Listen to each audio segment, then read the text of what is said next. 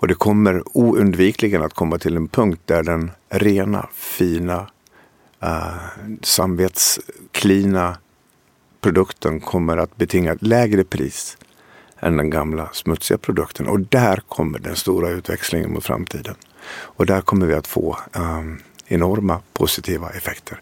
För när vi tjänar pengar på att hålla ren miljö, då händer det grejer.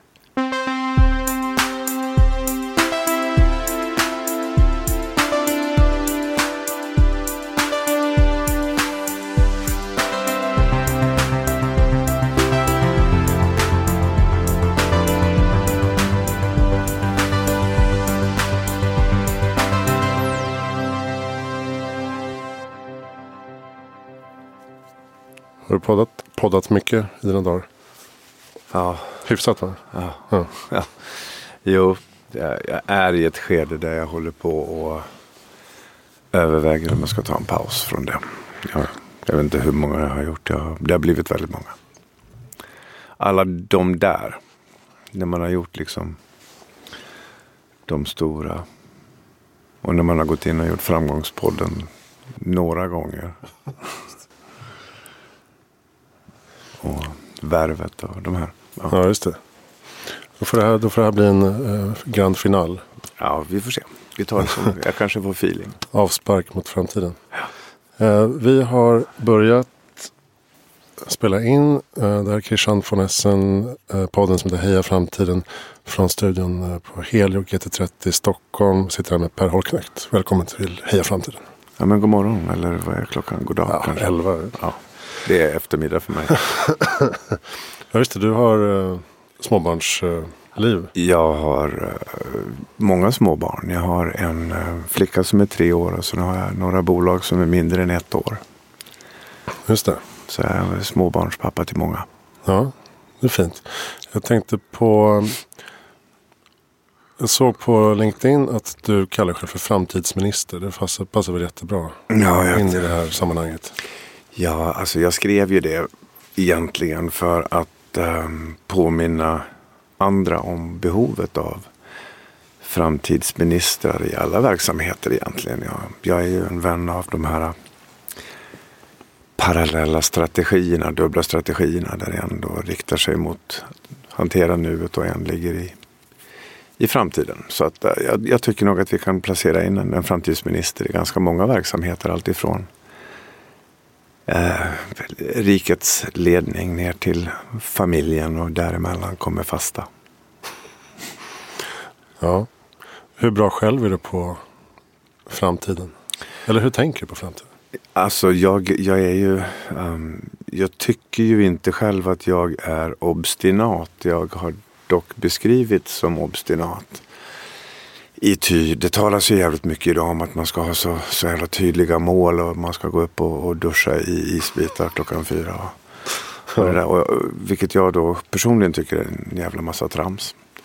Eh, jag är fast övertygad om att om jag hade levt i, i de här enormt tydliga visionerna och målen så hade det inte hänt ett jävla skit i mitt liv. Utan jag, jag försöker att idka största möjliga lyhördhet inför varje dag. Jag försöker leva i närvaro och titta i sidled. Och uh, vara redo att plocka upp det som korsar min väg. Det som andra kanske inte alltid ser. De, de är lite för målinriktade. Så att jag är inte antimål för att vara antimål. Jag bara, jag, jag bara tycker inte om att ha mål. Mm. Ja, det riskerar ju att, eh, som du säger, att blockera synen för det som ligger framför en. Ja, alltså folk frågar mig var får du alla idéer ifrån? Jag säger, vad fan, de ligger ju här. De, de ligger ju bredvid vägen där vi går. Och liksom, om vi inte då har en, en vidsynt in, in, inställning till, till vår promenad då kommer vi inte heller att se möjligheterna som korsar vår väg. Liksom.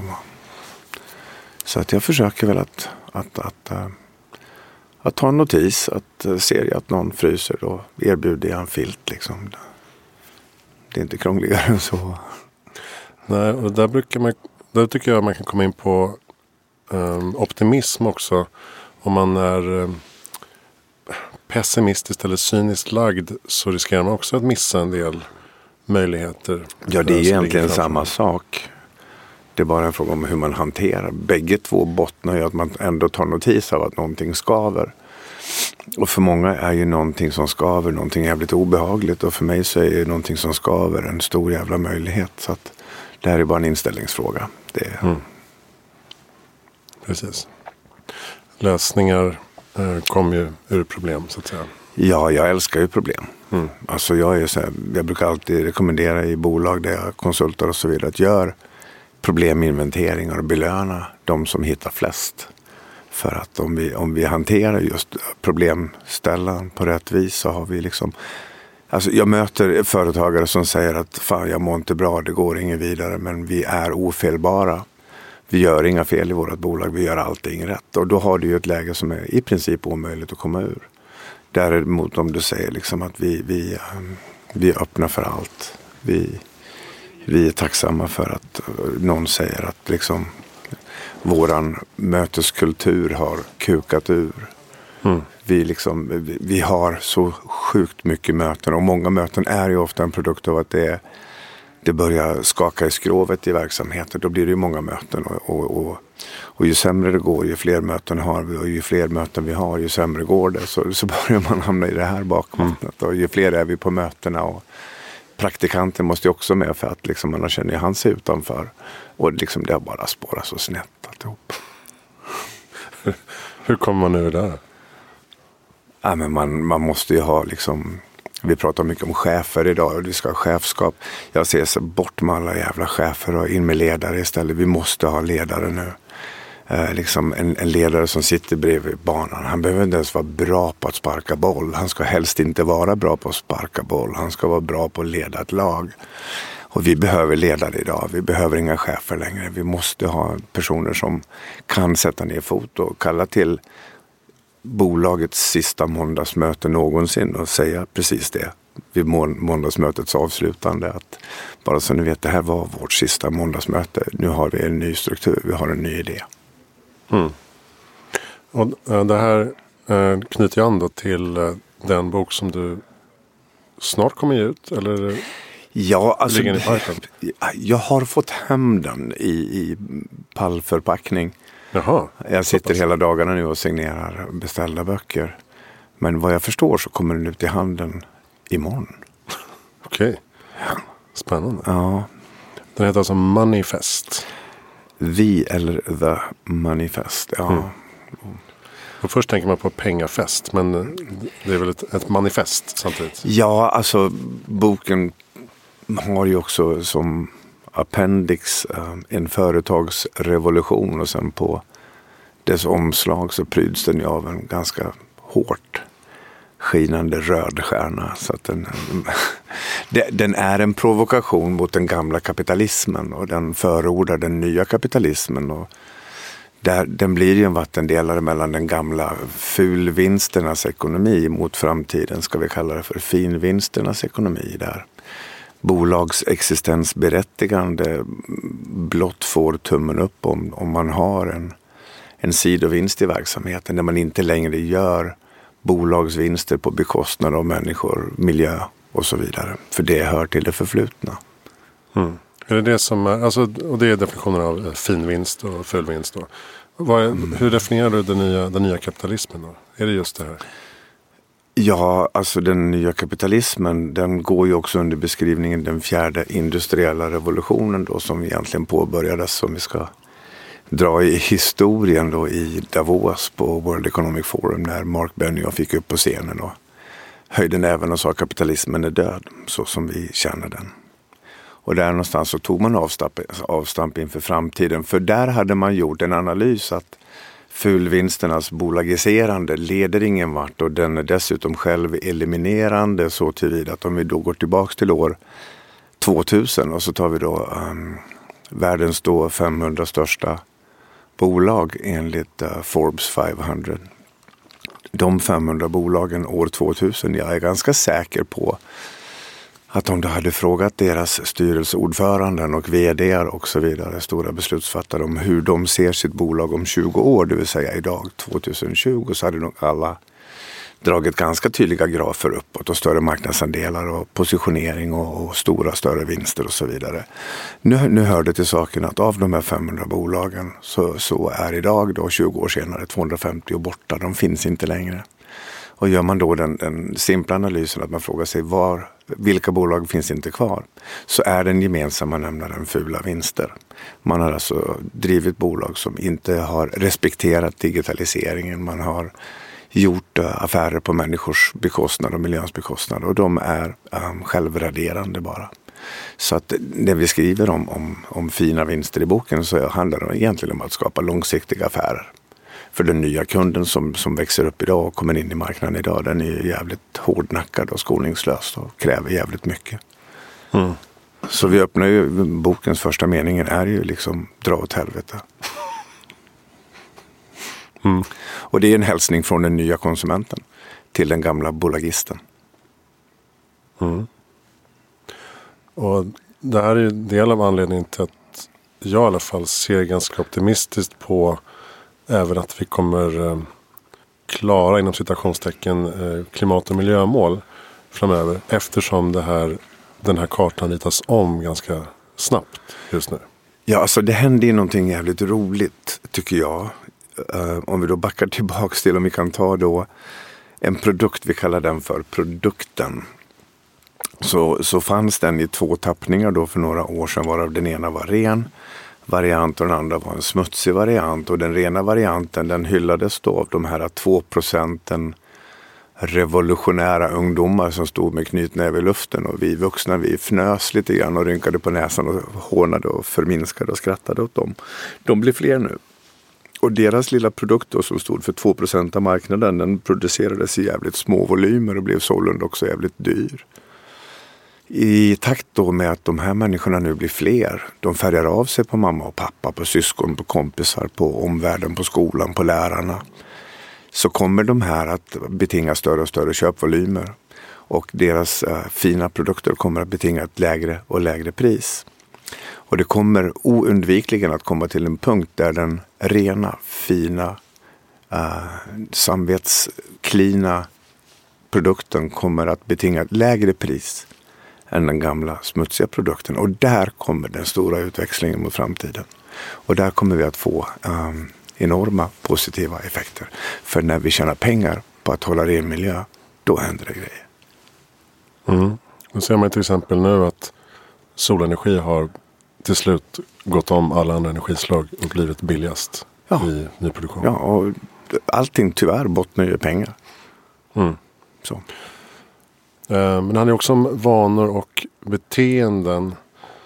Tror du att eh, det liksom är en, en kraft som är så pass stark att, det kommer att, att de kommer att agera i en slags växelverkan? Marknaden, konsumenten, alltså kapitalet. Te tekniken och, och ageranden tillsammans kommer ju att, att liksom vara skarprättaren. Om vi bara tar en sån liten sak som jag själv då vid 18 års ålder lyssnade på ABBA när de sjöng om I stare at the phone on the wall och dagens ungdomar undrar vad fan sjöng de om egentligen? Vad fan var det där? Idag är liksom en telefonen en självklarhet och telefonen är ett kommunikativt verktyg som, som fungerar dygnet runt och det är transparent och det når varandra och sociala medier gör att alla idag är journalister. Och företag kunde förr i tiden smyga och flyga under radar med, med, med smutsen. Det går inte längre. Blir man avslöjad så blir man jävligt hårt avslöjad.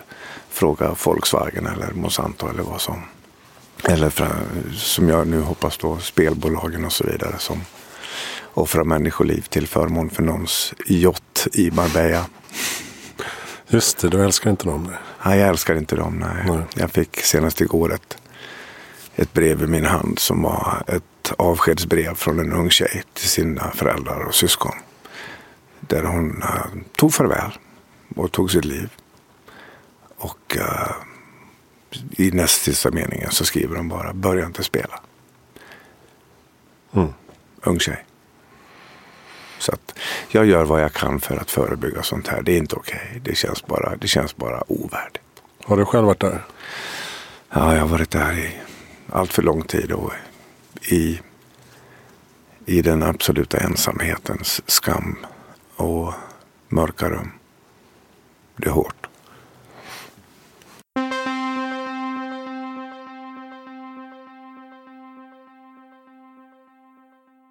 Du, vad är det för bolag du driver idag? Uh, nej, men jag är ju Jag har jobbat i modebranschen sedan över 30 år tillbaks. Och där har man liksom vant sig vid att jobba och aldrig liksom ifrågasatt sitt eget skrå. Och nu så börjar man bli gammal. När fan blir gammal blir en religiös. Man börjar utvärdera sitt eget liv. Jag menar, landar jag nu i mitt sista andetag i att ha gjort gott så känner jag väl att jag har kanske jobbat i ganska meningslösa industrier. Så jag har tagit farväl. Jag har eh, bara sista året tagit farväl av alla mina gamla verksamheter och eh, beslutat mig för att leva som jag lär. Jag pratar väldigt mycket och jag skriver i boken om, om finvinstandet och så vidare. Så att jag, jag bygger nu ett bolag som ska hjälpa människor. Framförallt då de som har det svårast. Och eh, lyckas jag nu göra affärer på det så gör jag god ekonomi till mig själv. Men jag gör det på att göra gott för andra. Och det känns eh, helt okej. Hur, eh, vad är affärsmodellen i, i praktiken? Vi hjälper och effektiviserar um, arbetet för Sveriges alla skuldrådgivare. Så att de kan engagera 90 procent av sin tid i personlig konsultation istället för 90 procent av sin tid i administration. Okay. Jämför med en läkare som sitter 90 procent av sin tid på kontoret. Vi vill få in honom i möten med patienter 90 procent av tiden. Så vi digitaliserar en gammal analog process och bygger ett techbolag som um, har kommit väldigt långt. Vi är i princip framme. Alltså handlar det om uh, skuldsanering i slutändan? Sådana saker? Eller? Det finns många grader i helvetet och det är ja. ett av dem. Okej. Okay. Vad är det för typ av uh, rådgivning man behöver då? Alltså kan man förändras om man är så djupt nere? Ja, det, det, första man måste fråga sig själv det är liksom om man då tar då Sveriges idag kanske fem, snart 600 000 skuldsatta. Så frågar man sig själv vad har de gemensamt? Vad är liksom minsta gemensamma nämnare som jag söker i allting jag gör? Alltid egentligen. Och det, det, där landar väldigt mycket i dålig kontroll. Man har tappat kontrollen på sin ekonomi, man har tappat kontrollen på sin tillvaro. Man har slutat öppna kuverten man, man har gett upp. Och, och, när man ger upp så tror man att det inte finns en lösning. Och, och jag vet av egen erfarenhet, även som min partner i bolaget, att det finns lösningar. För utan, av, utan de människor som då i slutändan faktiskt kan hjälpa oss så hade vare sig jag eller Fredrik, min partner, varit här idag. Så att vi, vi, vi, vi kommer med livets små ärr i våra hjärtan och bucklor därtill och försöker då använda det för att hjälpa andra.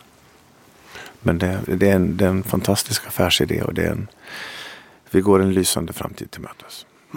Men um, sista, på sista raden då, själva skulden. Mm. Får de hjälp med den också?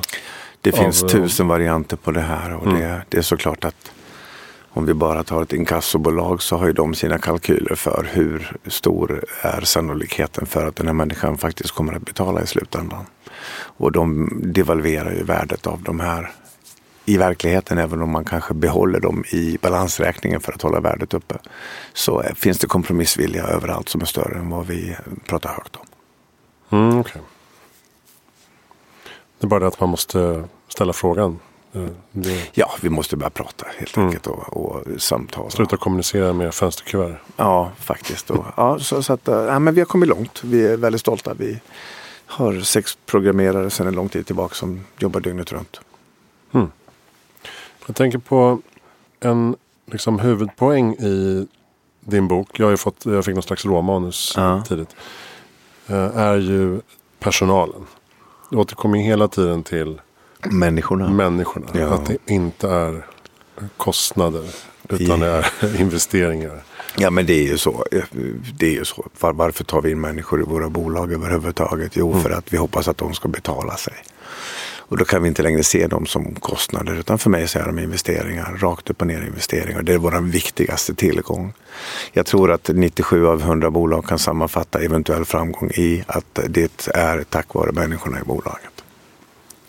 Så att vi, vi underskattar människor. Vi har kanske historiskt sett eh, missbrukat människor. Vi har trasat sönder människor och jag vet av egen erfarenhet hur otroligt enkelt det är att bygga människor. Att, att, äh, att äh, sätta en lampa mot individers längtan efter att få bli sitt bästa jag. Att få visa vad man går för, att få komma till sin rätt. Och där har vi metoder för hur man kan göra 15 personer av sju. Så att man slipper anstränga kostnader. Just det, du är också inom konsultar i bolag kring sådana här frågor. Ja. Och även idrottslag har jag förstått. Och där måste det verkligen vara extremt tydligt. Ja, men alltså, jag tycker det är jäkligt bra och tydligt och enkelt att både för mig själv och för andra liksom jämföra näringslivet med idrotten.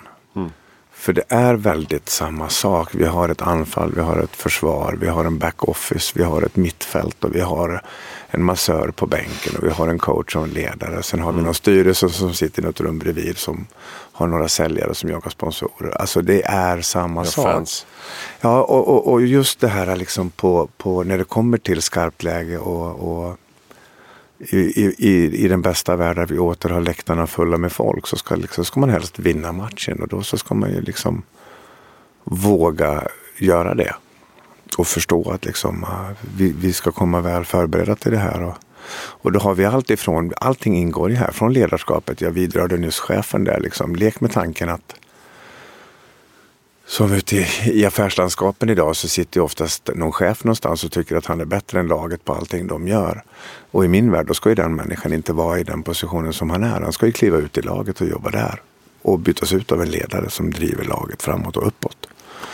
Och, och det är samma sak inom fotbollen. Jag kan inte för mitt liv se Lagerbäck trampa in på planen och sparka boll själv. Utan han är bättre på att leda och jag vill inte se Zlatan på ledarbänken heller. Han ska sparka boll liksom. Vi ska ha våra positioner. Så att jag tycker det är jätteenkelt att, att jämföra idrott med näringslivet eller med familjen eller vad fan som helst. Och uh, jag hade förmånen att få jobba med ett, ett idrottslag för ett par år sedan och nu fick jag eller jag får erbjudanden hela tiden ifrån, ifrån elitidrotten. Jag har fått från tre allsvenska fotbollslag bara sista året. Och uh, jag har inte haft tid. Uh, jag vill. Men jag har inte haft tiden. Men samtidigt så idrotten så är det ju en konkurrens. Det är ju jag vinner, du förlorar. Ja. Ehm, Det kanske man inte måste applicera på näringslivet. Eller tänker du Nej, fin, men vi- vinst, fin vinster då? Ja, vi har ju en tårta vi ska dela på och det kallas för marknadsandelar. Och, och det är inget Okej, man kan bygga ut tårtan i näringslivet. Det kan du göra. Det kan du inte riktigt göra i fotbollen. Där är ni 12 lag i serien. Men liksom, du kan fortfarande eh, öka volymerna i externa verksamhet. Så eh, jag ser inga stora skillnader överhuvudtaget. Det är bara det att vi, är- det här med att vinna i näringslivet har blivit, folk har blivit lite fult. Mm. Men det är så. Do or die. Det är dog eat dog. Livet är sånt. Mm. Jag tänker de här, den här nya organisationen som du målar upp där det är mer um, personalfokus och det är um, icke-hierarkiskt, det är ledarskap. Mm. Det horisontella ledarskapet. Mm. Men finns det, finns det en risk för um, förvirring där? Vad fan ska jag göra? Nej, men jag tycker inte det. För allting handlar om, om disposition av resurser. och Allting handlar om definition av ansvar. Kan man ha en, en, en, en väl, ett, ett väl definierat ansvarsschema, vem gör vad, så, så behöver det inte alls vara uh, oreda i en sån organisation. Men det är mer kraft till individen då? Ja, och, och jag vet ju alltså det är så jävla enkelt att bara om jag vill få Beatrice att, leva, att leverera bättre en dag, då går jag fram till Beatrice och så, så lägger jag om så är möjligt en hand på hennes axel och säger fan vad jag tycker du är bra. Jag ser hur du kämpar och jag, jag fattar att du har ungarna där hemma, att du måste gå hem och hämta på dagis. Men jag ser vad du gör. Och helt plötsligt så kommer Beatrice att växa 10 kragnummer. Istället för att vara 17 procent av sitt bästa jag så är hon 54 helt plötsligt. Och det här är ju gratis. Liksom. Det är så jävla enkelt. Mm.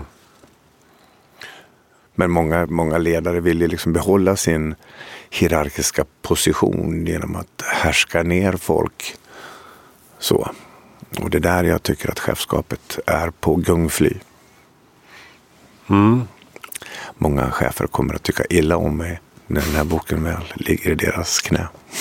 Jag hoppas det. Precis, det är bra. Men, eh, och det här låter ju som att det är en nyckel också till att hitta sitt engagemang då som medarbetare. Också att kanske hitta styrka i så här, men jag är stolt över det jag jobbar med. Ja. Um, mening. Alltså man pratar om liksom... Passion och purpose. Ja, hitta syftet med det man ja. gör. Ja, vi som har läst Philip Kotler, jag vet inte, det är en gammal marknadsguru. Mm. Han har ju alltid pratat om sina fem P. De där har ju vuxit till sig sedan dess och blivit fler. Och där, där liksom avgörande vinstfaktorer eller segerfaktorer idag är ju det är ju humandrivna. Det är ju passion och purpose är de två stora starka faktorerna idag. Och nu kommer vi in lite grann på det här när jag pratar om bokens titel, vilket vi fick in fingret i från början. Manifest är ju liksom, det låter som ett stort jävla pengakalas, men det är liksom, det är starkt tudelat i min värld. Där money är mer pengar. Men fest är att dela. Och det här är ju liksom min, min livsdevis har alltid varit mer att dela på. Och jag tycker det är fint. Det kan jag gärna se flytta upp i politiken också. Där vi ska hjälpa de starkt drivande att skapa mer pengar som vi sen har en sundare fördelningspolitik. För att när ett bolag har gått bra på de nya premisserna så kommer man också ha mer att dela på. Och då ska ju också människorna som har varit med och skapat det här få en slice en del av glädjen, en del av delaktigheten av inkluderandet. Så att det, det finns bara uppsidor i det här. Det, och egentligen så är det ganska så enkelt, säger han och viskar. Ja, men jag tycker att det, det, det här är inga konstigheter, det är bara sunt förnuft. Det är bara sunt förnuft. Ja. Um, Kanske skulle starta ett politiskt parti, fick jag en idé här nu helt plötsligt. Ja. ja. Är hög tid. Det finns, uh, finns luckor i marknaden. Ja, jag brukar säga, tänk den dagen som det, den blå hjärnan får hångla av det röda hjärtat. Då får vi en spännande mix. Ja, du pratar om det röda och blåa hjärtat. Eh, ja, rö röda hjärtat, blåa hjärnan. Blå hjärnan ja. hur, hur, vad menar du där? Nej, men de behöver varandra. Liksom. Om, om vi, ja, vi, vi, måste koppla på våran humanitet, våran humanism, våra känslor, våran hänsyn, våran lyhördhet för varandra i alla processer och vilja varandra väl. Och, och, och, då ska vi inte bara prata nu om de som har det tufft utan vi måste också pusha och lyfta och hjälpa och hylla de som pallar med att dra den här kärran. Så att vi tillsammans liksom eh, eliminerar avund och jante och istället skapar en stor vi-känsla. För nu är vi tillbaks i fotbollen igen då, eller hockeyn. Liksom det, det, alla i ett lag firar ju på festen. Det är inte bara de som har gjort mål. Liksom. Så där finns det gemenskapen som jag tycker är rätt cool. Och alla står på scenen i Kungsan när man kommer hem och alla är lika hyllade. Liksom. Det är klart att kanske Zlatan vill ha den största hatten, men liksom, det kan han väl få. Då. Vänta, nu ringer min, nu ringer min kalender och påminner mig om nästa adress. Så är det. Nej, men så att jag, tycker, jag, jag, känner stort hopp. Jag tycker det känns roligt. Jag tycker att corona, förlåt mig nu då, kom in och dräpte tyvärr människor och verksamheter och många människors existens och tillvaro. Samtidigt så har den fört med sig någonting vackert. Även det, det tog, det, den tog ju koll på mina verksamheter. Jag har ju fått möblera om mitt liv monumentalt. Men den har fört med sig mycket. Den har fört med sig att vi har blivit kreativa. Vi har löst saker som vi annars inte hade och vi har liksom visat att vi kunde mer än vad vi trodde. Vi har alltid i våra liv kommit undan med att säga jag gör så gott jag kan. Det där är, förlåt mig nu, nu kommer många bli arga här, men det där stämmer ju inte. Vi har mycket, mycket mer att ge, men vi slipper ta ansvar om vi säger jag gör så gott jag kan. För det gör vi inte. Så, och sen så har vi då under coronatider har vi vågat prata om problem fantastiskt för nu när vi vågade prata om problem då började vi lösa problem och vi gjorde det tillsammans. Krögarna går ut i media och, och sociala kanaler och berättar om deras bekymmer. Hotellägare om deras bekymmer. Konsulter, föreläsare, artister, musiker om deras bekymmer. Och vi börjar liksom vilja varandra väl helt plötsligt. Vi vågar gå till banken och be om uppskov med amorteringar. Vi, vi, vi, vågar blotta en svaghet. har vi aldrig vågat göra tidigare. För två år sedan hade vi gått till banken och sagt att jag klarar inte mina amorteringar. Då hade du hamnat på bankens jävla shitlist. Idag så löser vi det här tillsammans. Så kan vi nu ta med den här öppenheten inför problem och dess lösningar så kommer vi ändå ta med oss någonting fint ur det här. Och för det har skapat gemenskap. Det har skapat, vi bryr oss om sjuksyrrorna idag. Det har ingen gjort tidigare. Så jag tycker det är fint om vi nu tar med oss det här ur. Men vi glömmer tyvärr lite för fort. Mm. Det var precis den frågan jag skulle ställa faktiskt. Alltså föda alltså det som föds nytt ur kriser. För du har väl själv liksom byggt upp, raserat, byggt upp Ja. och krisat, kommit Ja. tillbaks. Och jag, jag, fick, jag har faktiskt fått rekommendationer att liksom att ha då gått ifrån hemlösheten som jag fick leva i för 20 år sedan och, och sju år senare få ringa i börsklocka. Det är ju det är två helt skilda världar men liksom det som är viktigt för mig, för mig att ta med mig vidare i livet är ju inte börsklockan utan det är ju um, möjligheterna som fanns som jag inte trodde existerade när det var som mörkast. Och att jag löste det genom att faktiskt våga be om hjälp. Och där överlevde jag genom att våga be om hjälp. Och det är det vi vågar göra idag. Och nu överlever vi en stund tills vi kanske rent av kan börja leva igen. Vad är ditt bästa tips för att göra världen bättre i framtiden? Ja men att, att, att, att, att liksom att släppa våran stolthet. Att våga vara lite folk igen. Liksom, vi bygger ju inte äkta, starka, långvariga relationer människor emellan på att gå omkring och vara så jävla fantastiska och putsade och, och snygga på sociala medier. Vi bygger relationer på att våga vara bristfälliga. Dina bästa vänner är ju de som du har vågat vara sårbar inför. Inte de som du alltid är cool och stark inför. Har, det, det är polare, det är någonting annat. Men starka, långvariga, viktiga, bärande relationer är ju de som är byggda på äkthet. På de vi faktiskt är. Bakom våra lite ängsliga fasader. Min bästa vän i mitt liv är ju den jag fann när jag var 18 år. En kompis som jag vågade för första gången berätta för om livet som ung man med dåligt självförtroende och, och bristfällig självkänsla. Och vi skapade ju en, en vänskap som där och än idag, 42 år senare, är det starkaste jag äger. Så att just den här oförskräcktheten som har fötts i coronatider är jävligt hoppingivande för mig om vi hanterar det rätt. Och jag försöker då, nu pratar jag mycket, jag försöker bära med mig mina ärr och mina trådar runt fingret som påminner om var jag kommer ifrån. Har du några bra lästips eller poddtips? Ja, nu är ju jag en jättedålig människa att ställa den frågan till eftersom jag inte har läst en bok på, på 48 år. Nu får du läsa min. Och jag, ja, ver, ja. ja, men, ja, jag har inte läst en bok sedan jag läste Fem söker en skatt 1972 av Ja. Enid Blyton. Stark. Och jag har säkerligen varit med i ja, väldigt många poddar men jag har ännu inte lyssnat på någon. Okej. Jag, lyssnar, ja, men jag, jag konsumerar inte kul- kultur, jag konsumerar inte television eller musik. Jag är lite tråkig. Jag är fullt upp med verkligheten. Mm. Men ja, du nämnde det i Henrik Fexeus podd att du sitter, du är ganska bra på att sitta och göra ingenting. Alltså nu, det där är en sanning med modifikation. För att jag har ju ett ganska så livligt och aktivt huvud. Så att om, om, om min familj skulle åka bort en helg så, så, så för, föredrar jag att sitta hemma vid i soffan med ingen passiv underhållning på utan bara sitta där. Men då sitter inte jag där och mediterar utan i samma ögonblick som jag sätter mig ner och stänger av allting då börjar ju föreställningen i mitt huvud. Och den är ju ganska cool, den är ganska rolig. Så att tyvärr så har jag, har jag ännu inte lärt mig hur man stänger av mitt huvud annat än med alkohol och den vill jag mig inte gott. Skriver du ner tankar då? Nej, ja, nej. nej, jag följer inga sådana här goda råd som jag har fått utifrån. Utan jag, nej, men jag play it by ear. Jag tycker bara det är intressant att tänka. Vem tycker att jag ska intervjua i Heja Framtiden?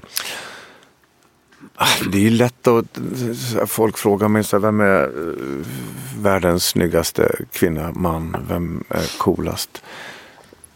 Och, och det här inbegriper ju oftast någon slags uh, outtalat vilken känd person.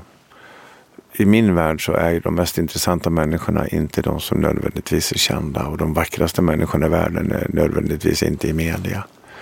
Så att om du skulle fråga mig vem man skulle intervjua för att man skulle få lära sig på riktigt så är det ingen kändis. Då är det någon nära vän till mig. Men annars så har jag personer i offentligheten, i alla fall halva offentligheten, som jag beundrar. Jag tycker Konrad Bergström är en jävla dynamitgubbe. Jag tycker, Ja, har haft med. jag tycker Johan Wendt, um, mannen bakom... Uh, jag satt i juryn en gång i London ihop med en astronaut från Holland och Mr uh, Jerry Greenfield från Ben Jerrys glass. Och utsåg Social Entrepreneurship of the World Award. Och det vanns då av Johan Wendt, en liten skåning som startade Mattecentrum. Ja, just det. Så var det. Ja, en fantastisk kille, intressant kille, obstinat, liten, superintelligent och logisk och, och oförskräckt och modig. Uh, Johan Wendt är bra. Det är väl ett skitbra tips. Ja. Grymt. Eh, du ska skynda vidare. Tack snälla. Nu ska jag gå till min dotter Ja. och hennes bageri på Nybrogatan och äta med en av hennes bullar. Gud vad mysigt. Ja. Eh, tack snälla Per Holknekt för att du kom förbi här i framtiden. Ja, men det var ju bra. Trevligt. Ja, det var bra. Ja, nu ska jag bläddra bok på... ja, du får bläddra i alla fall. Det ska jag göra. Titta på bilderna. Ja. Eh, perholknekt.com. Där finns lite info om dina föreläsningar och eh, vad du gör. Eller hur? Jag har ingen aning. Finns det en sån sida? Ja, det skulle jag säga. Då har ingenting jag har. Kanske någon som har snott den. Nej. Nej, ja, precis. Men man, man, man, når mig bäst på, på LinkedIn, tror Ja. jag. Ja, du är rätt stor på LinkedIn. Ja, där. Hur kommer det sig att det har blivit eh, din främsta kanal? Ja, men jag tror det var för 8-9 år sedan när någon sa till mig, ja, men gå inte med i LinkedIn Per, det är så jävla tråkigt. Det är helt värdelöst. Och så sa jag till mig själv, men om du tycker att det här är värdelöst och tråkigt, då måste det vara superenkelt att göra lite roligt. Mm. Så då valde jag att trampa in på LinkedIn och försöka göra lite roligt. Och så blev det det.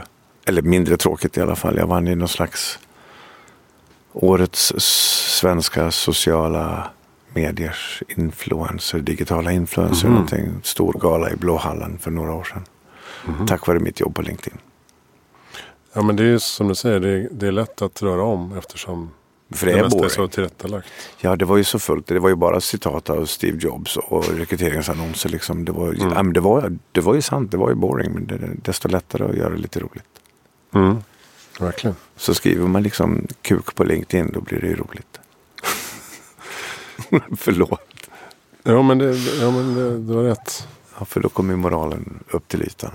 Mm. Och så blir folk förvirrade för att de är vana att allting är bara pepp och kul och härligt hela tiden. Ja, verkligen. Och, och, Så idag var en kukdag. ja, men det, alltså, det är ganska roligt. För jag kommer ihåg, förlåt, vår, vår uh, om det diskuterade. Paolo Roberto här gjorde något inlägg för säg två år sedan där han verkligen gick ut och gick all in med, hans då livs eh, knytnävar. Att, och då var det verkligen gå upp 04.15 eller ja, och duscha i, i, i is och läs Fader vår på latin baklänges ståendes på ett ben med tjejen på näsan. Och sen så, ja men det var en lång lista på saker. Sen så råkade jag se hans inlägg i flödet så jag gjorde då ett inlägg som var helt tvärtom. Um, sov tills du vaknar, uh, ät gott till frukost, se till att du är glad, ha inga livsmål, asgarva, glöm inte krama någon tant på gatan. Och, och, och, och sådär. Och, och sen nästa vecka tror jag, en vecka senare, så hade någon sett de här två bredvid varandra i flödet. Och då var det liksom, nu ska inte jag vara 60 bast och likesjägare för det blir jävligt patetiskt men man är ju det ändå. Och, och då hade då Paolo liksom lyckats skrapa ihop då en 170 sådana här äh, tights likes eller vad man kan kalla dem. Samtidigt som mitt hade fått sig 9000 på en vecka.